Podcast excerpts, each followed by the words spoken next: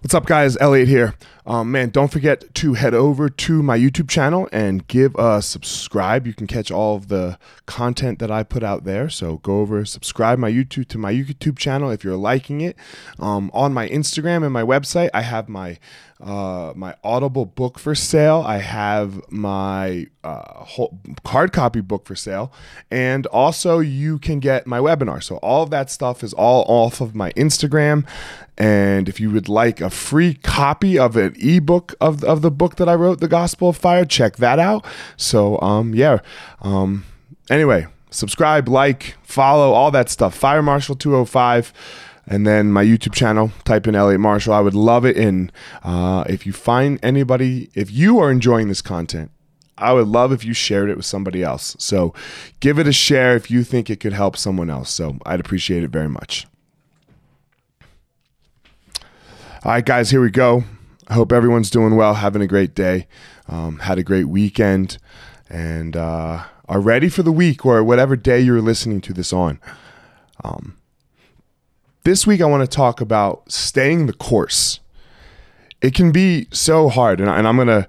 Fighting is, excuse me, fighting is such a microcosm of of life, you know, because so rarely do uh, do you get the results you want sometimes right away and and and sometimes the the work that you're doing now will show up later. E- either way right? Whether you're doing the good work or the bad work.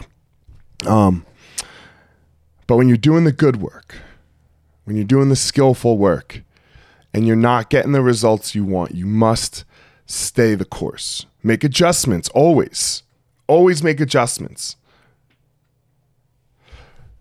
but here's the story. So, um, man, everyone knows if, if you've been listening to me long enough, I have this fighter um, who moved her, who changed her whole life for me to be her head coach. Right when I, man, I was, I was like an inch, like a centimeter away from leaving MMA, from just being done. Um, too much. You know, I, I, had moved on from it, I guess, you know, uh, or it had moved on from me, however you want to look at it. I, I was so close to, no, this, I'm, I don't want to, I'm not going to do this anymore. And then this, this young lady comes into my life and uh, changes the course of my life. And we aren't getting the results we want, right? And and I feel personally very bad about that because, uh, yeah, she, she, you know, leaves her daughter, leaves her husband, leaves her mom and dad, everybody, you know, and to, to come to Colorado to train. And, and it's just not quite happening, you know.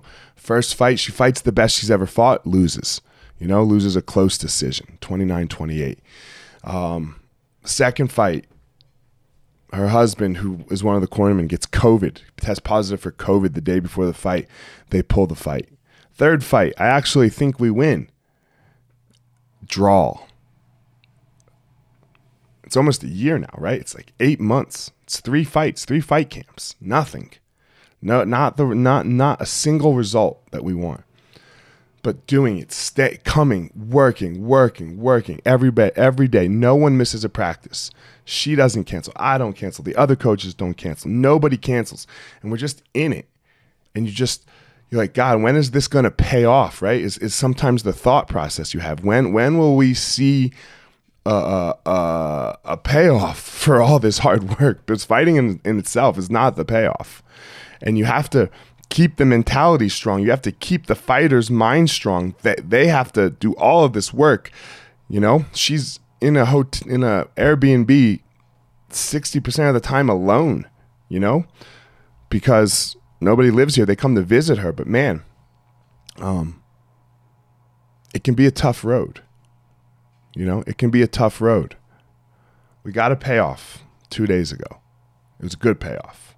And you could see all of the work that had been done. All of the all of the physical work, all of the mental work, all of the spiritual work, all of the preparation and it's a year's worth where we started doing the work a year ago. And then we had to make these adjustments. Okay, that wasn't so skillful. Let me be a little more skillful. Okay, that wasn't as skillful. I need, okay, let's boom, boom, boom. What do we need to do differently? What how do we need to do this more skillfully? What coach do I need to add? What coach is going to speak the same message as I am to this person? Because that's such a big part of it. You can't have people speaking different messages. And and it came. Right? It came. And then all of the emotion comes out. Right? All of all of it. But it took a year. you know? It took a year. It took a year to see some results. We were seeing it. Like I was seeing it, Vinny was seeing it. But at the end of the day, it's pro sports. It's about wins and losses and money. Wasn't seeing it. It took a year.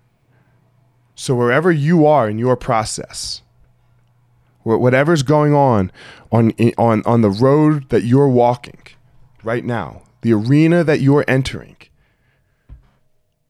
stay the course. If if it's a worthy course, that's that is the first question you have to ask. Is this a worthy course?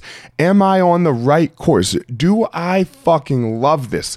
Am I choosing to am I not having to do this? Am I choosing to do this?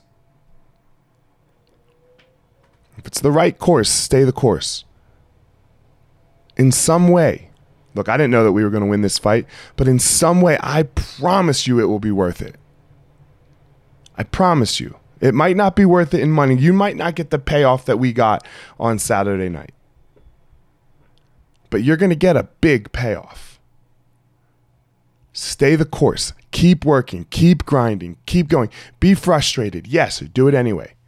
Make adjustments. But stay the course. It starts with passion. You have to love it. You're going to find your power and then you're going to find your purpose. And that's why you're going to stay the course so that you can go give that shit to the world.